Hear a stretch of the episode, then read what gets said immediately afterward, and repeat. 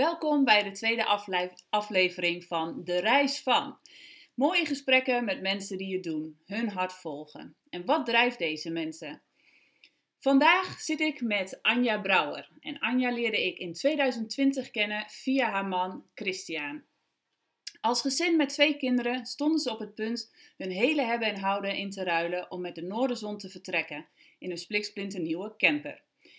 Die lust voor avontuur sprak mij enorm aan en ik vind het onwijs bijzonder hoe ze hun kinderen kennis laten maken met de wereld voorbij de gebaande paden. Ze vertrokken in maart 2020 en met veel plezier heb ik hun reis het afgelopen jaar gevolgd op Instagram. Op dit moment zijn ze even terug in Nederland om wat zaken af te ronden.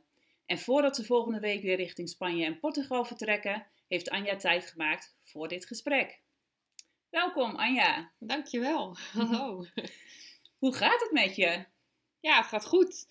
Beetje, een beetje gezonde reisspanning weer voor uh, ons vertrek aanstaande dinsdag. Ja. Maar goed, dat hoort erbij. Ondanks dat we dat eerder hebben gedaan, uh, blijft dat toch een beetje al die to-do-lijstjes in je hoofd uh, bij langs, zeg maar. Dat uh, hoort erbij. Als jullie straks onderweg zijn, dan uh, als je eenmaal maar vertrokken bent, hè? Ja, vaak. ja, als we eenmaal in de auto zitten of in de camper, dan worden we weer helemaal zen en kunnen we het loslaten. Ja, mooi. Hey, voordat wij in het gesprek duiken, wil ik graag een aantal vragen stellen. Nou, leuk. En ik ga beginnen met jouw grootste inspiratiebron. Wie is dat? Wie of wat is dat? Um, oh, dat is een uh, moeilijke vraag gelijk. uh, grootste inspiratiebron. Ik denk um, waar het allemaal mee begonnen is, uh, is voor ons toen de tijd Michael Pilacic geweest. Um, okay. Het boek Master Your Mindset. Ja. Daar ja, raakten wij echt onwijs door geïnspireerd om meer concreet doelen te stellen zeg maar, voor je leven. In plaats van het gewoon kabbelend voort laten gaan, zeg maar. Gingen we echt mm -hmm. uh, meer doelen stellen, vision board maken, dat soort dingen. Je, je, je dromen uitspreken en daar ook concrete plannen uh, voor maken. Dus destijds heeft hij ons echt uh, enorm geïnspireerd. Ja. Maar inmiddels zijn daar heel veel mensen bijgekomen. Ja, ja, ook tijdens het reizen ontmoet je heel veel mensen die toch weer verder in een bepaald proces uh, zijn die je dan uh, inspireren om uh, andere stappen te maken. Of ehm, nou, bijvoorbeeld jouw reis vind ik ook inspirerend. En ja, zo ontmoet je allemaal weer mensen op je pad die, ja, die je steeds weer een stukje verder brengen eigenlijk. Ja. ja mooi. Hey, en um, dit is een kleine persoonlijke obsessie voor spiritualiteit, of de definitie van spiritualiteit. Die is vrij ongrijpbaar en voor iedereen weer zo anders. En eigenlijk ook niet, um, is er niet één definitie van wanneer je die gaat zoeken. Dus ik stel die vraag aan heel veel mensen um, en dus nu ook aan jou. Wat is jouw definitie van spiritualiteit? Um, als je die hebt hoor. Want... Ja, nou ja, definitie. Ik denk dat spiritualiteit um, voor mij heel veel te maken heeft met um, teruggaan naar jezelf. En het uh, ja, teruggaan naar de bron, als je het zo uh, kan noemen. Uh, de bron als in waar al het leven uit ontstaat, zeg maar. Ja. op die manier, sommige mensen noemen dat God of mm, het universum of nou, je hogere zelf. Ja, je hogere zelf. Geef er een naampje aan, zeg maar. Maar eh, ja, ik denk dat dat voor mij um, spiritualiteit uh, is. Oké. Okay. Ja, ja. Mooi. Het is meer het naar binnen keren, zeg maar. Ja. ja. hey, en um, jij, ik ben even kwijt hoe oud je bent. Volgens mij ben je net zo... Een, misschien net iets jonger. 6, 37? Nou, jij moet zelf ook altijd even nadenken. Maar ik ben 39 geworden. 39, ja. ja. ja. Hey, en op deze respectabele leeftijd, nu je deze leeftijd bereikt hebt, welk advies zou je aan je 18-jarige zelf geven? Wow. Um, ja, ik heb heel veel adviezen, maar ik denk uh, uh, het allerbelangrijkste is, uh, denk ik, bij jezelf blijven. Ik, als ik terugkijk op, um, op die jaren, zeg maar vanaf 18 tot aan. Um, een aantal jaren geleden heb ik mij heel erg laten afleiden door van alles en nog wat. En ook door allerlei mensen. En ben ik eigenlijk uh, een, een pad ingeslagen waarvan ik niet echt zelf meer aan het, uh, aan het roer stond, zeg maar. Ja. Dat ik uh, meer geleefd werd en dat ik het heel lastig vond om um, ja, bij mijn eigen kernwaarden te blijven. En um, ja, de afleiding is eigenlijk het, het, het beste woord om dat te omschrijven. En hoe kwam je dan um, vanuit dat je af hebt laten leiden, toch weer terug op, nou ja, bij het volgen van je hart, bij je eigen pad? Hoe... Ja, dat zijn, ja, dat zijn natuurlijk een heleboel um, verschillende gebeurtenissen wat daartoe heeft geleid. En ik denk dat spiritualiteit daar ook heel erg mee te maken heeft. Ik weet nog heel goed dat ik, uh, ja, zeg maar, of 14, 15, 16 was. En dat ik toen eigenlijk best wel veel met spiritualiteit bezig was. Ik had een, uh, een vriendinnetje waarvan de ouders uh, um, aan uh, reiki deden. En we gingen soms jointjes roken, stiekem. en nou, een beetje in zo'n fase zaten we echt van alles ontdekken. Ik vond alles wat met heksen te maken had, vond ik bijzonder boeiend. En natuur en, en natuurgeneeskrachten, zeg maar. Dat vond ik heel erg boeiend. En, maar dat is um, iets wat door onze maatschappij een beetje wordt neergezet van oké, okay, ja, dat um, is niet uh, wat als normaal wordt gezien. En mm. um, hou je maar liever bezig met een opleiding volgen en een baan zoeken en dan geld verdienen. En een, nou, zeg maar dat uh, paadje, huis kopen, uh, kindjes krijgen. Dat pad heb je ook bewandeld, toch? Ja. Want, ja. want hoe was dat voor jou? Wat heb jij gestudeerd? en gedaan qua werk? Eventjes om een beeldvorming te krijgen waar je vandaan ja, komt. Ja, ja, nou, ik heb altijd heel veel moeite gehad om uh, mijn weg te vinden, zeg maar. Ik heb allerlei studies geprobeerd en gedaan. En um, mijn uh, ouders omschreven mij altijd uh, een beetje alsof van... Um, oh ja, daar komt Anja weer met een ander idee aan, zeg maar. Want het was de ene week was het dit helemaal en het andere week, en de andere week was het dat helemaal. Ja. En... Um, ja, ik werd er eigenlijk ook best wel onzeker van. Dat ik eigenlijk niet echt wist waar ik naartoe uh, wilde. En dat mensen daar ook een bepaald oordeel over hebben, zeg maar. Mm -hmm.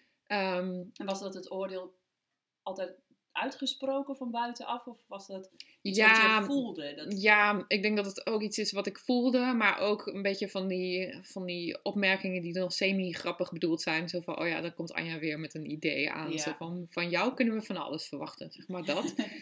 um, uiteindelijk, ik weet nog heel goed dat ik, uh, nou, ik wilde, vroeger wilde ik altijd iets met dieren doen. Ik ben altijd helemaal gek van dieren geweest en daar wilde ik uh, een opleiding in doen. Dat was iets van uh, diermanagement heette, dat was in Leeuwarden. Het leek me hartstikke leuk en uh, dan kon je ook naar het buitenland en zo, weet ik veel, in de bosjes liggen en ehm, vossen bestuderen of zo, ik noem Ja. maar wat. Dat leek me echt super tof. Uh, alleen toen werd er tegen mij gezegd van ja, nou kun je daar nou echt je geld mee verdienen. En Ja. een beetje zo'n, uh, ja, ik noem het tegenwoordig, noem ik dat een uh, systeemantwoord.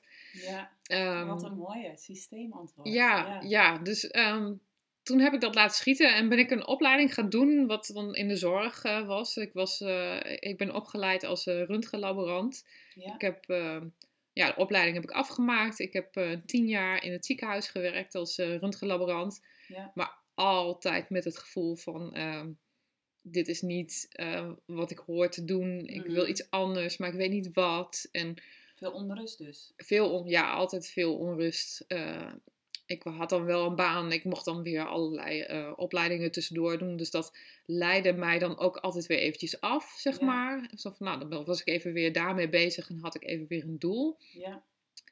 Alleen ja, die onrust die bleef eigenlijk altijd al. En ik heb ook daarnaast ben ik weer van alles begonnen. Op een gegeven moment dacht ik van ik ga eh, milieuwetenschappen studeren. En toen ben ik daaraan begonnen. Maar dat bleek echt veel te veel naast een, eh, een, een fulltime baan eh, te zijn. Ja. Ja, en ik moet, ontmoette ondertussen mijn man inmiddels, Christian. En eh, werden verliefd en kochten een huis. En, eh, Ga je dat pad bewandelen? ja, en eh, kregen kindjes. En dat is niet iets waar ik niet achter stond of zo hoor. Dat is natuurlijk waar ik zelf voor gekozen heb. Ja. En ik denk vanaf dat moment eigenlijk, ehm, eigenlijk met mijzelf als geboorte, als moeder zeg maar. Ja. daarmee kwam eigenlijk alles weer naar boven van wat ik eerder al gevoeld had. Ehm, van wie ik eerder was. En ehm, de, de grote vraag, zeg maar. Van, Een innerlijke drang. ja, de grote vraag ook van wat, wat ben ik hier eh, om te doen, zeg maar. Eh, waarvoor ben ik hier eh, op aarde gekomen? Ja, Ja, die grote diepe vraag. vraag. Ja, ja, Hele diepe vraag. ja, niet dat ik daar nu het antwoord op heb, maar nou ja, dat richtte mij weer van al die afleiding af, zeg maar. En weer meer tot mezelf. Ja, Dat, ja, het moeder zijn. ja, ja, En jullie zijn echt een fantastisch avontuur aangegaan. ja. Ehm, inmiddels ruim een jaar geleden is dat geloof ik begonnen. Ja. Eh, mag je zo zelf helemaal vertellen. Maar ik ben dan heel benieuwd wat, ja, wat dreef jullie om, om het roer zo drastisch om te gooien? Ja, eigenlijk het gevoel wat ik net omschreef, het, eh, eh, ehm, de, de onrust, zeg maar. Ja. Ja, ik heb dus ook een man gevonden die datzelfde eh, onrustgevoel in zich had. Ja, En ook ehm, allebei in het verleden ook niet heel veel gereisd hebbende, maar dat altijd wel willen doen, zeg maar. Ik had ook echt een, altijd een droom van, oh, ik wil met mijn gezin in een camper eh, gaan reizen. oh echt, dat was altijd al een droom. Ja, ja, ja. oké. ja alleen, ehm, ja, ook mede, nou, wat ik zei eh, eerder, dat eh, eh, Master Your Mindset van Michael Pilacic. We zijn ook een keer naar zo'n dag toe geweest Ja. van, van hem. Dat was heel inspirerend. Ja, toen begon die droom echt meer te leven. En toen kwam eigenlijk jij op Christiaans pad. Ja, En via jou kwamen we in aanraking met wonderlijk werken, Steven en Diane. Ja. En ja, we hebben een soort business coaching traject met hun gevolgd. En ehm, eh, ja, toen bleek eigenlijk wat wij deden en wat wij wilden, dat dat allemaal ehm, dichter bij de hand was dan dat wij eh, dachten. ja. En zo is echt het, eh, het balletje gaan rollen, zeg maar. Toen hebben we ervoor gekozen om ons huis te koop te zetten en, Een camper te kopen. en een camper te kopen. Ja, En wij de kinderen waren er toen al? En dat is nooit een belemmering geweest in, in het maken van die keuze? Kan, kan me dat heel erg voorstellen dat je een bepaalde verantwoordelijkheid voelt voor de kinderen. Ik ben zelf geen moeder, dus geen idee hoor. Maar dat het misschien juist moeilijker maakt, of misschien juist wel makkelijker, ehm, om, om zo'n grote omslag te maken, om daarvoor te kiezen. ja ik denk als ouder, ehm, voor elke grote keuze die je maakt, ehm, is je kind eh, een belangrijke eh, factor daarin, zeg maar. Mhm. En ik denk dat iedere ouder ook een bepaalde onzekerheid daarin ont, eh, ervaart. Zeg maar van, ehm, is dit wel het beste voor mijn kind en doe ik hier goed aan, zeg maar. Dat, ja, dat idee, ik denk dat dat met heel veel dingen door je hoofd spookt. Maar ik moet zeggen dat het bij ons niet een belemmerende factor is geweest eigenlijk. Want Nee. Ehm, ja, ook een beetje van ervaringen wat je dan om je heen hoort en ziet. Eh, kinderen zijn enorm flexibel en passen zich aan. En ehm, ja, wij ehm, zijn sowieso heel erg ja, van het, ja, hoe hoe omschrijf ik dat? Eh, het opvoeden in nabijheid, zeg maar. We doen eh, eigenlijk alles samen met onze kinderen en betrekken hun overal in. En ja, dat is eigenlijk ook in dit proces eh, niet anders geweest. Hoe, even voor mijn beeld, hoe oud zijn de kind? Eh Hanna is vijf en de jongste Tom is twee. En die betrekken jullie bij zulke grote keuzes. Ja, nou het is niet dat we gaan vragen van, eh, goh, eh, zullen we dit eh, Willen wel... jullie naar Portugal? ja, zullen we dit nou wel of niet gaan doen? Want dat, Ja. dat- met zo'n grote keus kun je ze niet belasten natuurlijk. Nee. Maar wel in van, nou, ehm, we willen graag op reis, op avontuur, in een camper. eh, eh, nou, wat, wat denk je ervan? nou ja, dat vinden ze natuurlijk hartstikke leuk. Ze hadden natuurlijk geen idee, vooral de jongste had geen idee. Als ik nu foto's terugzie van hoe klein hij eigenlijk nog was toen we weggingen, dacht ik van, oh ja, dat is echt nog, nou eigenlijk een beetje een baby nog. Ja. Maar de oudste, ja, ze gingen gewoon mee eh, campers kijken en ehm, ja, vonden dat allemaal super interessant natuurlijk. Ja. Dus eh, ze hadden wel eens gelogeerd in de caravan van opa en oma, dus eh, ja, ze associeerden dat daar heel erg mee. En ja, zij hebben het eigenlijk altijd gezien als een groot en leuk avontuur, zeg maar. Ja. Ja. En hoe is dat dan in de. Want er is dan zo'n moment dat jullie die keuze maken. En jullie hebben de kinderen heel erg betrokken in dat proces. En jullie zijn vorig jaar voor een eerste ronde vertrokken met de camper. En hoe is dat dan? Hoe heeft dat uitgepakt in de realiteit? Ehm, nou, eigenlijk bij, eh, dan ga ik even uit, dan spreken over, eh, over mijn oudste dochter dan, Hanna. Ehm, die had eigenlijk ehm, binnen een dag of twee, drie al eh, redelijk door hoe het eh, ging werken, zeg maar. Want we verplaatsten ons eh, dus regelmatig. We gingen niet weken op dezelfde plek staan, maar nou, vooral in het begin, toen was het nog heel koud in Nederland ook, Ja. gingen we elke dag naar een andere plek. En bij haar was het heel snel zo van, oh, ik weet nog heel goed dat we ergens langs een bos reden en dat we even wilden gaan stoppen om eh, te lunchen. En we, we parkeerden de auto langs de kant, of de camper dan, en toen zei ze van, oh, eh, gaan we hier slapen? Zo van, nou, eh, Dit Dus- is ons nieuwe. ja, dus die, die paste zich echt super snel aan. En we hebben ook ons heel vaak verbaasd op. Dan stonden we bijvoorbeeld ergens vlakbij een stad. En dan kom je vaak een beetje op van die camperplaatsen. Wat gewoon eigenlijk een groot ja, asfaltveld is, zeg maar. Dus er is eigenlijk verder niks te beleven. Maar dat zij dan eh, uit de camper stappen en eh, zeggen van... eh, oh, wat een leuke camping. ja, ze zijn echt eh, met... eh, Flexibel. ja, echt heel erg flexibel. Ja. Ja.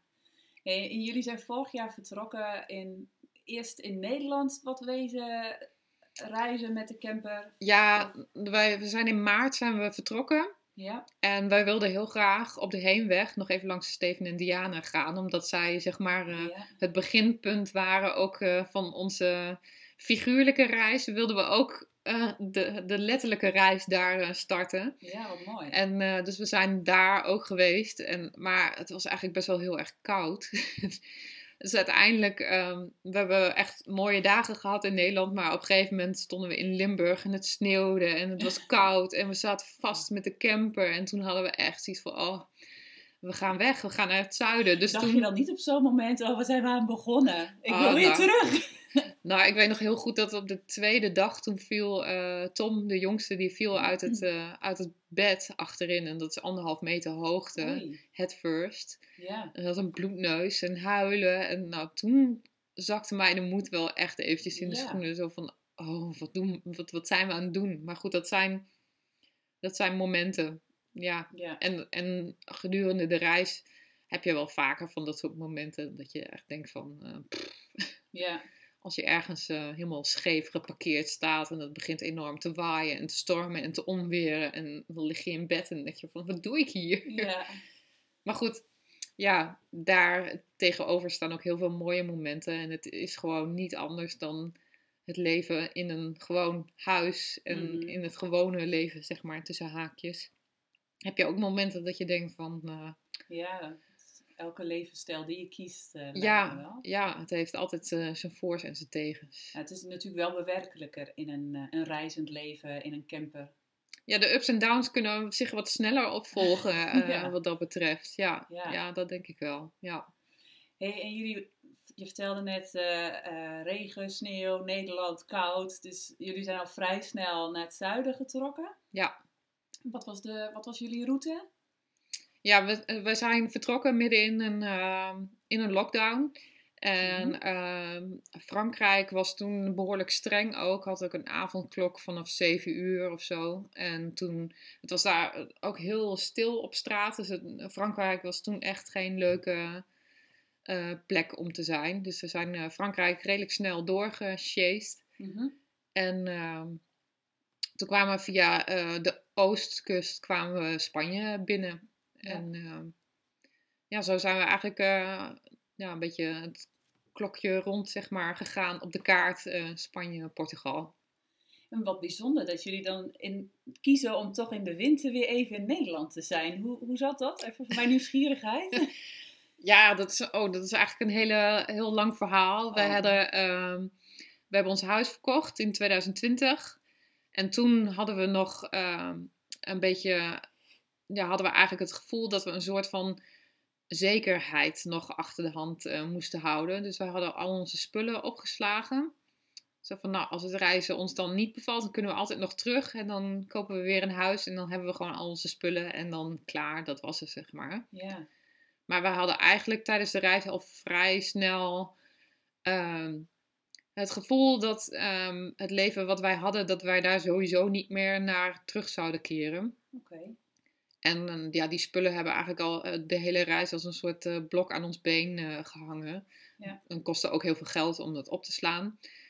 En ehm, ook voor mijn werk moesten we weer naar Nederland zijn. Ik moest toch een aantal dingetjes weer regelen en klanten bezoeken. Dus nou, dat hebben we samen genomen. En ja, toen bleek het huis van Christiaans moeder was ook leeg, omdat zij zelf op reis waren. En Ja. ja, zo viel alles samen. En eh, Moest het zo zijn? moest het zo zijn en zijn we dus eh, naar, eh, naar Nederland gereisd weer.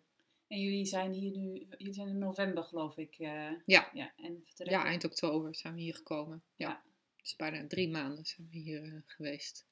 En klaar om alweer te gaan? Of Ja, ik, ik, ik had ehm, best wel moeite ook weer om me aan te passen aan, het, aan, aan Nederland. Aan, het- ja, in, eh, in het zuiden ben je meer buiten, heb je Ja. meer het buitenleven. ja. En hier kom je natuurlijk, eh, eh, ja, het was natuurlijk eh, volop herfst al.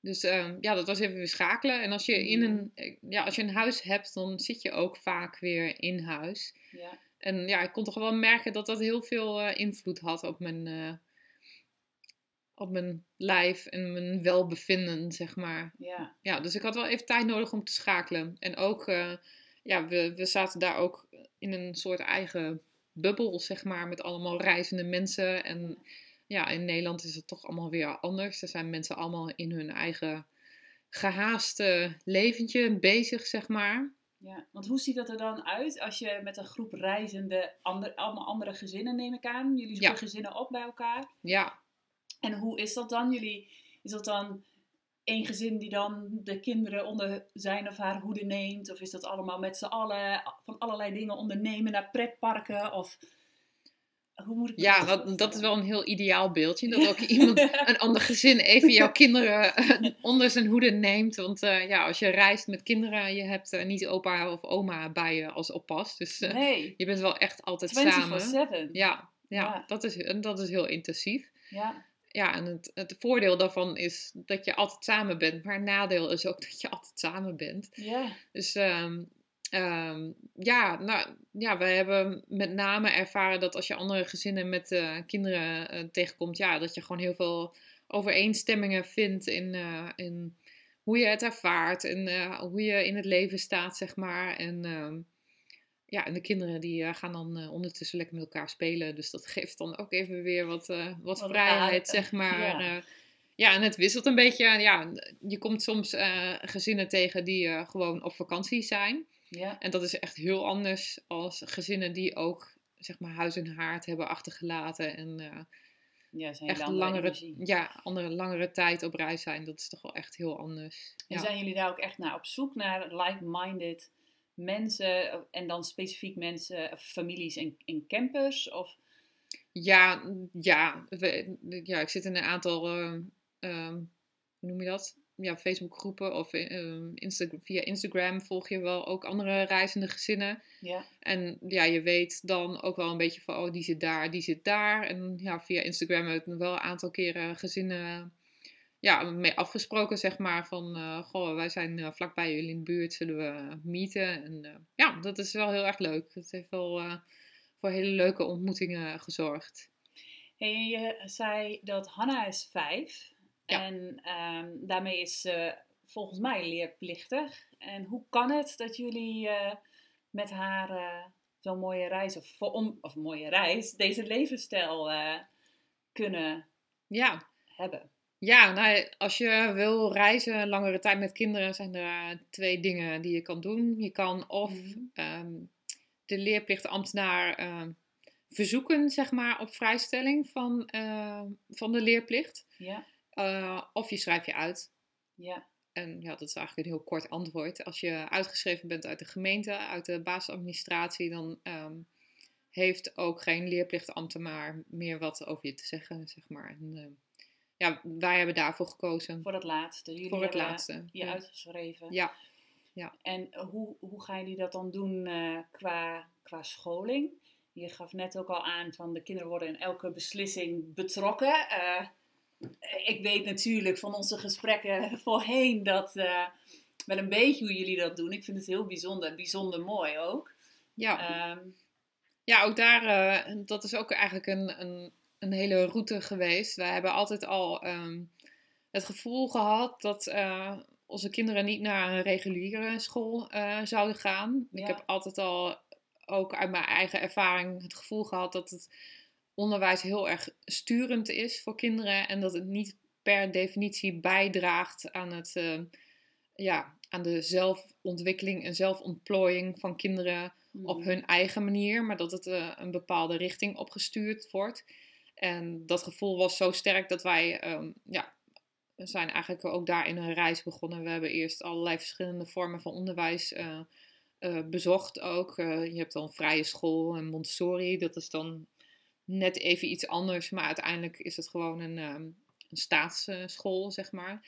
Oftewel, de staat eh, betaalt en bepaalt. Maar dat is wel internationaal, toch? Montessori. Ja, Montessori. Ja, ja Ja. Montessori, dat is eh, van eh, Maria Montessori. Dat is gewoon een bepaalde denkwijze, zeg maar, over kinderen. Alleen het probleem in Nederland is, is dat een Montessori-school moet voldoen aan de eisen van de Nederlandse staat. En daardoor zie je in de praktijk gewoon dat scholen eh, steeds meer de Montessori-gedachtegoed moeten opgeven om aan die strenge eisen te voldoen. Oké. Dus het Montessori is er wel redelijk af hier in Nederland. Ja.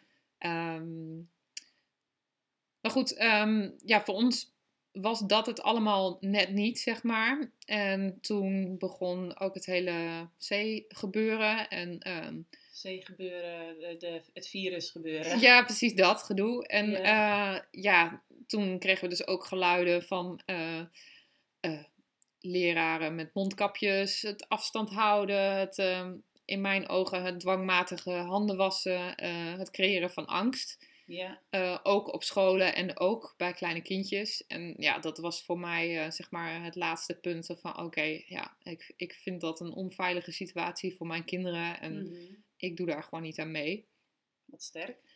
Ja, Tenminste, ik, kan me zo voor, daar moet, daar moet wel een bepaalde innerlijke kracht of een, achter die keuze zitten.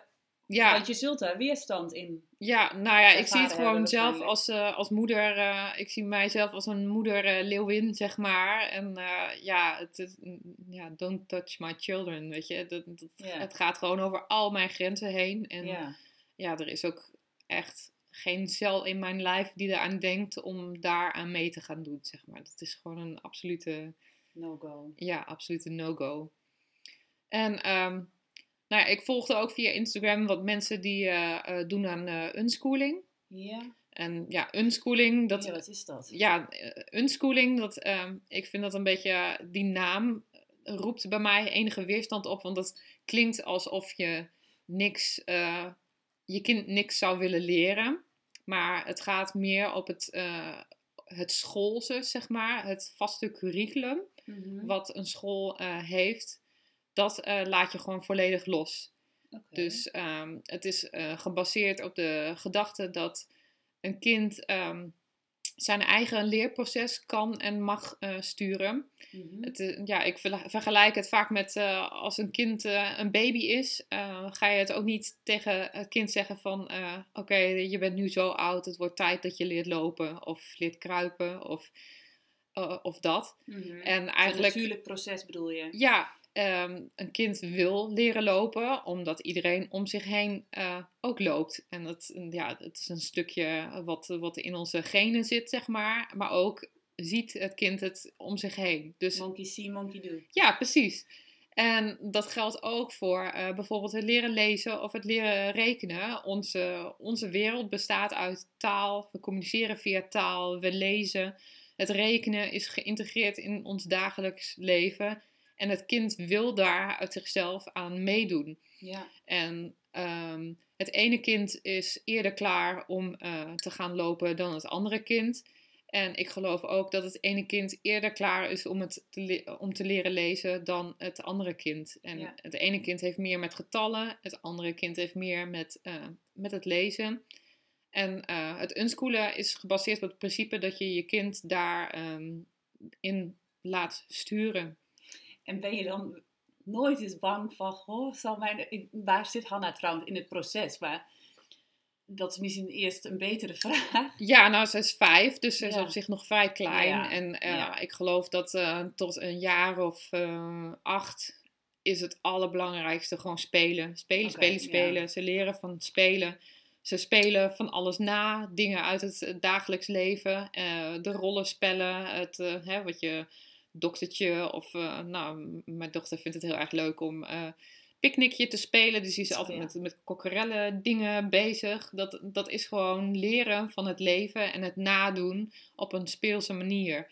En Mhm. ik geloof gewoon heel sterk in dat eh, het onderwijs eh, vanaf vijf jaar moet een kind gewoon verplicht in, in de schoolbanken zitten. Ja, En ja, ik geloof gewoon echt niet dat dat de weg is voor kinderen. Om dat, om op die dat... manier te doen. Nee, nee. En te- ehm, heb je nooit zoiets van, zal, zal, zal ze er wel aan toekomen dat ze wil gaan leren schrijven of lezen? Of, Nee, ik heb er echt een, eh, een heel diep gegrond vertrouwen in Ja. dat dat eh, uit zichzelf gaat komen. En dat zie ik nu al. Zij had, eh, eh, ze heeft vorig jaar, of eh, in december, heeft ze voor haar verjaardag een horloge gekregen. En sindsdien is ze heel druk met getallen opschrijven, want ze heeft in haar hoofd, ik wil klok leren kijken. Dus ze is nu getallen aan het schrijven. En ehm, de trots in haar ogen als zij dan uit zichzelf op haar eigen moment gaat ze gewoon een papiertje pakken, aan tafel zitten en die getallen, zonder voorbeeld, schrijft ze dat gewoon op. ja, En die trots, zeg maar, die ze dan ervaart, ja, dat is, dat is zoiets moois. Dat, dat Mm. ja, natuurlijk, ieder, iedere ouder vindt het mooi om te zien dat zijn kind iets nieuws heeft geleerd, zeg maar. Dan ben je altijd blij. Maar Ja. dit is gewoon volledig uit haarzelf. Er is niemand die tegen, ja, intrinsieke motivatie, dat, ja, dat, dat zie ik gewoon als de key eh, om met plezier eh, te blijven leren. ja. Bijzonder hoor. Heel mooi. Ja, ja, ik geloof echt dat het schoolsysteem eh, eh, het plezier eruit haalt. Ja, Het creatieve, het eigen outside of the box denken, dat eh, wordt, wordt je gewoon afgeleerd op school. gestroomlijnd. Ja, ja, iedereen moet op hetzelfde moment leren lezen. Iedereen moet op hetzelfde moment dit kunnen. Het wordt ook nog eens ehm, onwijs vaak getoetst op hele jonge leeftijd al. En Mhm. ja, het- ik, ik, ik geloof gewoon dat dat bijdraagt aan eh, onzekerheid, ook faalangst, ehm, vergel- jezelf vergelijken met anderen. Ja, Ja. Ik, ik geloof niet dat dat eh, de weg is. Oké. Ik ben heel benieuwd hoe dat stukje van eh, jullie reis zich eh, verder gaat ontwikkelen. Ik kom vast Ja. nog een keer in de toekomst bij je terug eh, Ja, om dat proces een beetje te volgen. ja, ik vind, ja, ik vind unschooling is echt, ik ben daar helemaal, ik ga daar helemaal op aan, want ik ben daar heel gepassioneerd over. Ja. Ja, ik geloof echt, ik geloof daar gewoon echt heilig in. Dat, En dat is dan ook iets wat je zelf als ouder faciliteert, dat unschooling. Je hebt niet een lerares of je besteedt niks uit.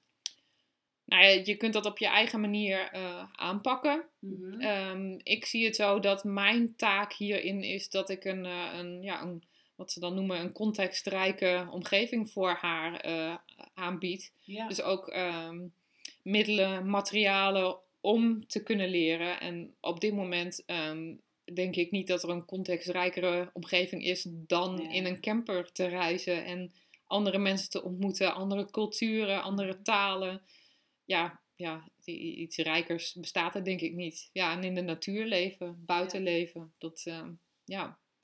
Hey, dus jullie zijn eigenlijk 24-7 met de kids. Ehm, maar ehm, de rekeningen, de, de auto rijdt niet op water. Eh, Hoe eh, betalen jullie je rekeningen? Waar, eh, Ja, op dit moment, ik ben eigen ondernemer. Ik heb mijn eigen adviesbureau op het gebied van stralingsbescherming. Dat is nog een, een, een, iets waar ik ingerold ben door mijn vorige werk als eh röntgenlaborant. ja, Ehm, ik adviseer eh, bedrijven op het gebied van wetgeving over eh, stralingsbescherming, dus röntgenapparatuur en dergelijke. ja, En ja, dat is locatie onafhankelijk. oké. Dus ik werk tijdens het reizen. En hoe ziet dat dan, hoe ziet een dag er, want jullie zijn wel met de kinderen, allebei. Dus wisselen jullie elkaar af qua werk, wie welke uren werkt? Of... Ja, ja, dat deden we eigenlijk ook al toen we nog uh, ja, in een huis woonden, zeg maar. Mhm. Ehm, toen ook door het hele C-gebeuren en dat de kinderen altijd thuis waren, um, ja, werkten we als soort van in blokken eigenlijk. Uh, dus uh, de een gaat met de kinderen iets doen en de ander gaat aan het werk. Ja. Alleen het, ja, als je in een huis zit, dan heb je vaak nog een aparte ruimte waar je even kan gaan zitten. Ja. En dat is in een camper natuurlijk niet. Nee. Dus je bent wel heel erg ja, aangewezen op het buiten zijn, zeg maar. Dus je, de, of de een gaat in een cafeetje zitten met de laptop werken. Of de ander gaat met de kinderen op pad en gaat de ander in de camper zitten werken, zeg maar zo. Ja, en hoe bevalt, uh, hoe bevalt jullie dat? Dus opvoeden, werken en het gezinsleven vanuit de camper, is dat... Ja, het is een druk programma. Ja. Kwamen wij ook achter. zo, zo klinkt het ook. Ja, want uh, het reizen is ook het plannen, bedenken waar ja, je naartoe gaat. um, boodschappen doen is ook best een happening, zeg maar, als je met de camper op pad gaat. Ja. Um, ja, dus het is um, intensief. Maar Mhm. uh, het was ook echt iets waar we, ja, waar we in moesten komen. Ik denk Mm. dat het wel echt een maand of twee, drie heeft geduurd voordat we echt lekker ons ritme te pakken hadden. Ja. Maar dat kwam met name ook als jij. ehm, ik, ik ervaarde dat heel sterk van, oh oké, dan was ik met de kinderen iets aan het doen. Maar ondertussen eh, dacht ik van, eh, oeh, ik moet eigenlijk dat nog doen en ik moet nog zo werken en ik moet nog mailtjes beantwoorden, zus. Dus ehm, ik was met het ene bezig, maar met mijn hoofd leefde ik bij het andere. ja, ook nog veel onrust. Ja, Ja. maar ik denk dat dat ook ehm, eh, hoort bij, of hoort, kan horen bij eh, een beginnend zelfstandig ondernemer eh, zijn. Absoluut. ja, dat, Ja. tenminste, dat kan ik daar wel... Ja, je moet leren, zeg maar, om als je niet werkt, om dan ook het werk. kijk, normaal als je een baan in loondienst hebt, dan. Tenminste, ik had gewoon. Ik deed mijn werk, ik ging naar huis en ik dacht verder niet meer aan mijn werk. En Nee. eh, ja, als je ondernemer bent, is dat eh, wel anders. Ja. Maar goed, ik, ik was me daar wel vrij snel bewust van. Van, oh, oké, dat werkt natuurlijk niet. Als je met je kinderen wil zijn, dan is het ook handig als je in het nu kan zijn. Ja. Dus ook oprecht kan genieten van het samen zijn met je kinderen. Dus dat, ja, dat duurde voor ons wel eventjes om in dat ehm, ritme te komen. Ja, en die hebben jullie dus wel gevonden uiteindelijk. Ja. Ja. ja, we zijn wel. eh, ik denk dat we de beginnersfout hebben gemaakt dat we veel te veel wilden zien en doen en Mhm. zo. En dat we later het tempo ehm, eh, naar beneden hebben geschroefd. En eh, dat beviel ons een stuk beter. En wat is nu jullie tempo? Hoe lang blijven jullie op één plek? Ehm, nou, het laatste stuk van eh, de, de laatste reis, zeg maar, bleven we ook wel eens soms een maand op één plek staan. Ja, dat is wel... En ehm, ja, dan, dan, ja, dan heb je gewoon even een tijdelijke huis, zeg maar. Ja. En eh, nou ja, onze aankomende reis heeft sowieso een iets andere insteek. Dat gaat wat minder om, eh, om eh, te reizen, zeg maar, maar wat meer op eh, het oriënteren of wij ooit ehm, gaan emigreren, zeg maar. Die staat inderdaad nog op mijn lijstje om te vragen. Want komen jullie nog wel eens... Komen jullie terug? Is dat iets wat je wil? Maar ik hoor nu, jullie zijn aan het oriënteren op emigreren. Ja, nou ja, onze aankomende reis, eh, we gaan naar eh, het zuiden van Portugal en daar gaan we Mhm. op één plek als eh, uitvalsbasis, zeg maar, verblijven. En van daaruit gaan wij andere plekken bekijken. Ja. Portugal wat meer ontdekken. Communities bezoeken ook. En wat, wat moet ik me voorstellen bij communities? Communities bezoeken? Ja, ja, dat is eigenlijk ook iets wat. eh, het idee bij mij is eh, geboren toen, ehm, toen ik moeder werd. Uh, ik voelde heel sterk ehm, dat hoe wij uh, in onze maatschappij gewend zijn om te leven, zeg maar. Als ik spreek als moeder zijnde, zeg maar. Ik had een baan, dus ik moest werken. Ik moest mijn kinderen naar een opvang brengen om te kunnen werken. Mm -hmm. um, mijn uh, dochter um, is redelijk hooggevoelig voor bepaalde omgevingen en had daar altijd heel veel prikkels van, van zo'n kinderdagverblijf. En had daar soms ook echt moeite mee om daar naartoe te gaan. Mm -hmm. En ja, ik voelde altijd een soort knoop in mijn maag. Van, um, ja, ik moet dit doen alleen maar om mijn geld eh, te verdienen. Het voelde gewoon niet als eh, iets natuurlijks. En Mhm. ehm, toen begon ik ook meer te lezen over eh, ja, het, het concept van it takes a village to raise a child. Ja. En ehm, ja, dat is eigenlijk. ehm, dat gevoel dat was vanaf het begin al heel sterk en dat is alleen maar sterker geworden. Ik zie het niet als onze. Als, ja, dat het eh, de bedoeling is dat wij ja, als gezin afzonderlijk in een huisje zitten en ons eigen leven leven. En eh, als ouder, zeg maar, verantwoordelijk zijn volledig. Ja, je bent altijd verantwoordelijk voor je eigen kinderen, maar dat je altijd, ehm, ja, zeg maar, alleen bent eh, met, je, met je gezin. Dus het hele individuele wat we hier hebben in Nederland.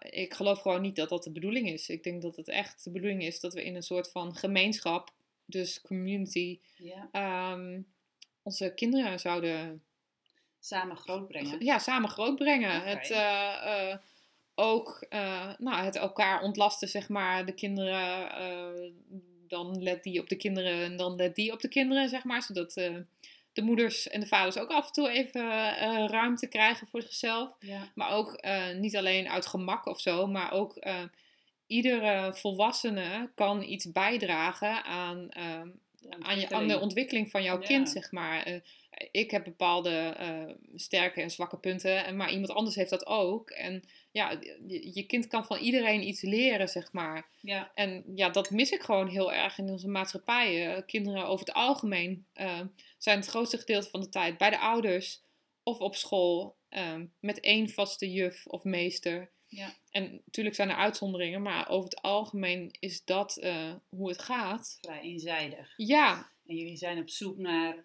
een community waar jullie eh voor ja, permanent kunnen vestigen. Ja, permanent vind ik een heel, Ja. eh, heel sterk woord. Want ik geloof wel dat bepaalde dingen in een bepaalde fase van je leven passend kunnen zijn. En in een andere fase weer anders kan zijn. Ehm, maar goed, eh, ja, ik voel heel sterk die behoefte om mij te verbinden in een community vorm, zeg maar. En ook dan gezamenlijk eh, het, ehm, het stukje leren in vrijheid op te pakken, zeg maar. En ja, bij ons komt eh, dat thema vrijheid komt, ehm, eh, steeds weer naar voren. En ik denk dat het zelfvoorzienend leven, dat, eh, Ja. dat is mm, ja, de basis van een vrij leven, zeg maar. Onafhankelijk Ja. zijn van... ehm, ja, dat is gewoon er sterker naar voren gekomen, ook door alle gekte die in de wereld plaatsvindt. Mhm. Ehm, ja, ik denk dat het belangrijk is dat je jezelf kan redden. Ja. En dan niet jezelf als in alleen een ik, maar in een community vorm. Hey, en ik kan me zo voorstellen dat de, deze keuzes ook weerstand bij je omgeving op hebben geroepen. Ja, En eh, ik ben dan heel benieuwd hoe jullie, eh, hoe jullie daarmee omgaan. Want dat is voor veel mensen ehm, het grote ja, blokkade, de grote blokkade om het echt te gaan doen. En echt voor jezelf en echt voor je eh, te gaan doen wat je hartje ingeeft. Dus ja, ik, ja dat hebben wij ook ervaren. Mhm. Ehm, eh, de, de opa's en oma's, zeg maar, die staan Ja. dicht bij ons.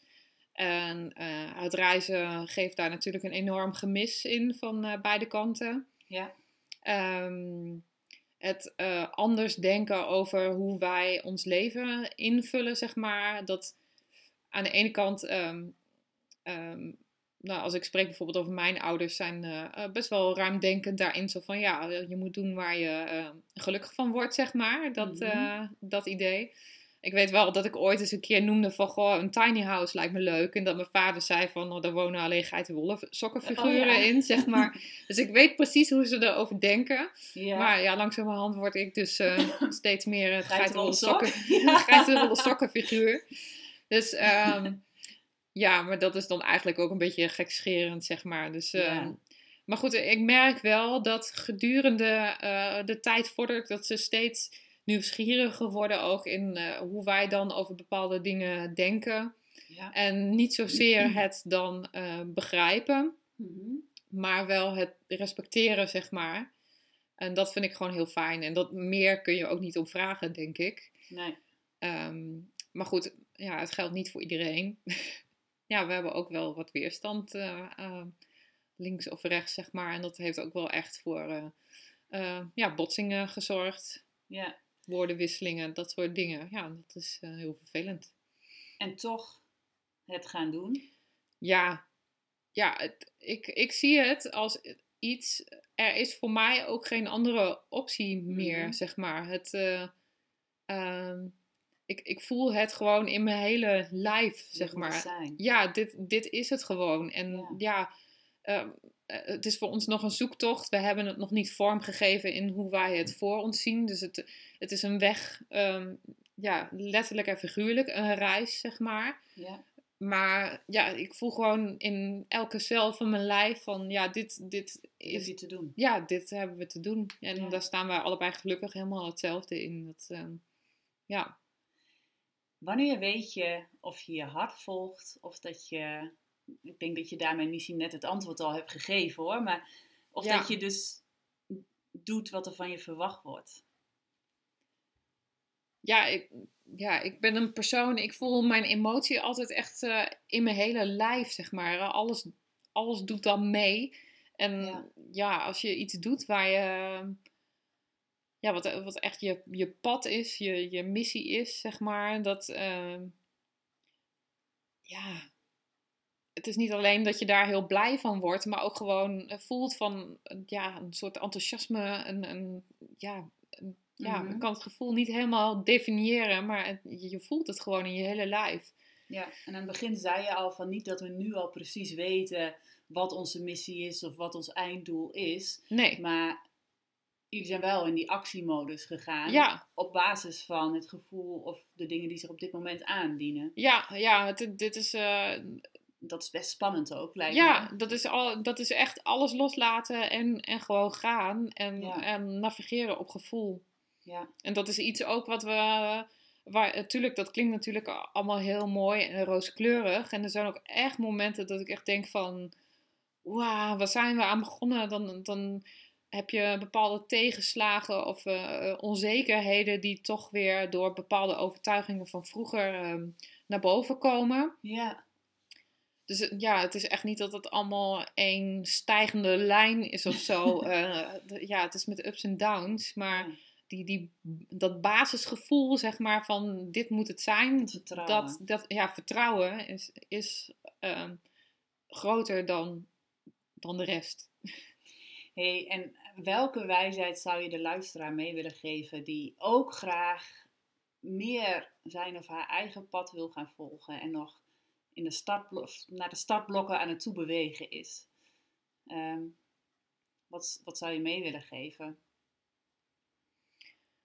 Ehm, ja, de, de, het zinnetje wat, volgens mij zeiden we dat net nog, van eh, move before you're ready. Ja, Dat is een hele belangrijke. Als je altijd maar blijft nadenken van, oh, eerst moet ik nog dit eh, voor elkaar hebben, of eerst moet ik nog zus, of eerst moet ik nog zo.